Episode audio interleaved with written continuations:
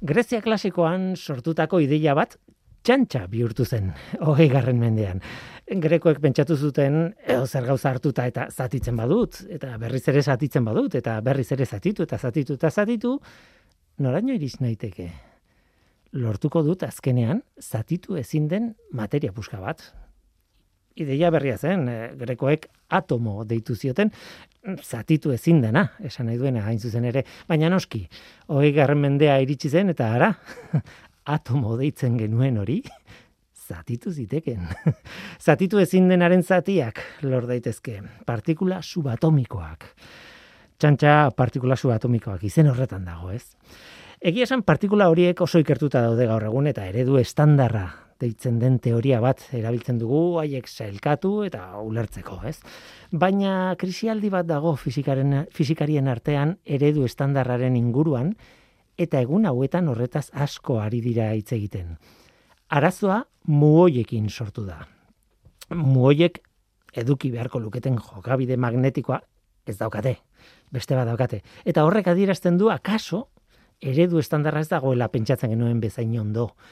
Akatsak ditu edo, bueno, auskalo, auskalo zergatik gainera. Oraindik detektatu ez dugun beste partikularen badoa dago, edo esagutzen ez dugun oinarrizko indar bat, hori potoloa da, eh? Fizikaren barruan oso galdera serioak dira horiek. Auskalo zein den arrazoia, baina zerbaitek ez du behar bezala funtzionatzen gure teorian. Utzi da zuek gauza bat esaten, lehen da bizi. Eh? Atomoa baino txikiagoak diren partikulak ezagutzen ditugu, protoiak, neutroiak eta elektroiak adibidez, ikastolan ikasi genituen, ez? Oikoak dira, gu geu, protoiez, neutroiez eta elektroiez eginda gaude. Baina oikoak ez diren partikula asko ere badaude. Sortu ala, segituan desegiten diren partikula asko. Ez dira egonkorrak eta bueno, muoiak adibidez, horrelakoak dira. Ezin dituzu ontzi batean gorde adibidez, ez? Etxean. Sortzen direnean bi mikrosegundu irauten dute osorik, gehiago ez. Gero desintegratzen dira. Edo beto esan da eraldatuta beste partikula batzuk sortzen dituzte muoiek. Egia esan, neutroiek ere, amabos minutu baino gehiago irauteko, atomo baten nuklean egon behar dute protoiekin batera, bestela, amabos minututan, desegiten dira. Baina mueiak, ba, ez, beste zerbaiti lotuta egonda ere, ez dute apenas irauten. Ez dago modurik muoiak egonkor mantentzeko. Are gehiago, muoia izan zen egonkorra ez den partikulen artean arkitu duten lehenengoa. Orain fizikariak kezkatuta daude muoiekin duela irurogeita hamar urte egindako esperimentu batekin gainera, pentsa. Noski, gerora errepikatu duten esperimentu hobeto eta gerora ere bai, eta gerora ere bai, eta abar, eta orain arte. Orain ere egin dute esperimentu bera eta kezkatuta daude gauzak ez direla ez direlako ateratzen eredu estandarrak esaten duen bezala. Saiatuko gara ulertzen zergatik dauden fizikariak kezkatuta eta zire ba, ez hori bakarrik zergatik inporta egartzaigun gai horrek. Zientzia.eus, leio ireki bat zientziaren mundura. Irratia, telebista, artikuluak, irudiak, soinuak, Elujar Fundazioaren kalitatea zure eskura klik baten bitartez. Zientzia.eus, zure lotura zientziarekin. Fisikariak aztoratuta daude, onerako eta txarrerako. Agian gauza bera ikusteko bi modu besterik ez dira, baina horrela ikusten dut nik. Bueno, botila erdi beterik edo erdi utxik ikustea hori da kontua, ez? Saioaren hasieran esaten genuen, eredu estandarra, partikula subatomikoak sailkatzeko eta nola funtzionatzen duten ulertzeko teoria erlatibistiko eta kuantikoa. Eta hitz handia dira, baina eredu estandar hori dirudienez ez da nahikoa. Hala dirudi. Edo akatsak ditu, edo auskalo. Egia esan oso da eredu estandarra, mm, benetan oso da, baina fizikariek ikusi dute partikula batek, muoiak, ez duela guzti zerantzuten eredu estandarrak iragartzen duen bezala. Batzuetan hori mundiala da. O batzuentzat hori mundiala da. Higgs bosoia aurkitu zenetik etzelako eh, ez erregon alako zirrara sortzen duenik, ez? Partikula subatomikoen fizikarien artean. Beste batzuentzat drama bada. Gure eredu estandarra, ai ama. Ez dago lako ondo da. Edo zerbait falta zaio eta aurkitu behar dugu zer. Tira, Esan behar da, aspaldiko kontua da, mila bederatzen da berrogeita marreko amarkadaren bukaeran, CERN laborategian esperimentu batzuk egin zituzten. Muoiak, a ber, partikula ez egon dira.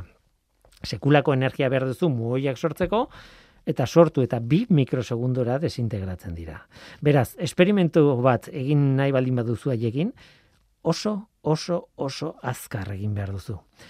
Alas egin zuten zernen, muoiak sortu eta berehala eremu magnetiko batean sartu egin zituzten.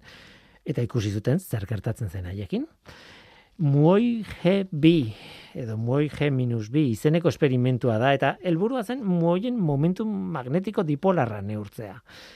Praktikan, nola baita esateko, erresago esateko, behar baino gehiago mugitzen direla muoiak eremu magnetiko batean sarte dituzunean. Hori da kontua. Gehiegizko erantzuna dute eremu magnetiko batean. Baina gian esperimentuak gaizki eginak zeuden gara hartan, edo behintzat zehaztasun gutxirekin. Garaiko teknologiarekin egiten zituzten, noski, beraz urte batzuk geroago, errepikatu egin zituzten, esperimentu berdinak Brookhaveneko laborategi nazionalean. Hogeita bost aldiz zehaztasun handiagoarekin. Mila bederatzen da irurogeita zeian. Eta berriz ere errepiketu zuten mila bederatziun da irurogeita behatzean, eta mila bederatziun da larogeita lauan, eta abar, eta bar. Errepikapen bakoitzak zehaztasun maila hundiagoarekin izaten zen. Orain izan da, orain goz, azken aldia. Fermilab laborategian egin dute estatu batuetan. Orain esaten dut, baina egia esan, 2000 eta mazazpian, jarri zuten martxan esperimentua, eta 2008 arte aritu dira datuak jasotzen. Eta datu horren, horien interpretazioa, ma, nahiko azkar, emaitza 2008 batean ezagutu ditugu. Eta berdin, berdin, emaitza konfirmatu eginda, baiestatu eginda. Muoiek momentu magnetiko, fizikariek esaten duten bezala, anomaloa dute. Eta beraz, zerbait gertatzen da. Zer, zer gertatzen da? Ba, hor dago koska. Ezagutzen ez dugun partikula bat egon liteke tartean. Euskalo nolakoa. Edo are okerrago. Batzuek esaten dute, behar bada, indar ez ezagun bat dagoela muoiei eragiten diena. Kontuz, oinarrizko indar berri bat, hori sekula kualitzateke fizikaren barruan. Gaur egun oinarrizko lau indar ezagutzen ditugu. Gravitatea, elektromagnetismoa, indar nuklear bortitza, alegia atomoen nuklearen partikula guztiak elkarrekin mantentzen dituena, eta indar nuklear aula desintegrazio erradiaktiboarekin zerikusia duena. Lau horiek, besterik ez. Unibertsuan lau indar horiek daude. Bosgarren bat izango balitz, sekulako iraultza izango litzateke fizikaren munduan. Eredu estandarra, bueno, aldatu, egokitu, hobetu beharko genuk ez dakitnik. Eta fizikarin zati bat zati handi bat gainera berrastetu, berrastertu beharko litzateke. Izugarria da.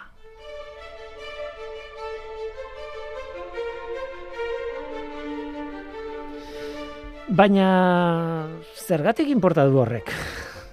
Galdera izugarria, eh? Zergatik inporta du? Bueno, ba, horren jatorria edo zer dela, edo zein dela ere, badakigu muoiei behintzat eragiten diela. Ordan galdera, zergatik inporta dute muoiek? Hm. Ba, batetik ezagutzaren gatik. Eh, noski, betidanik izan da garrantzitsua unibertsoa eta natura ezagutzea, ez? Elektroiak ikertu zituzten fizikariek, hogei garren mendearen hasieran, ez egiten telefono mugikorrak eta gailu elektronikoak izango genitula orain, ez zuten ezagutzen hori posible egiten duen transistoria ere.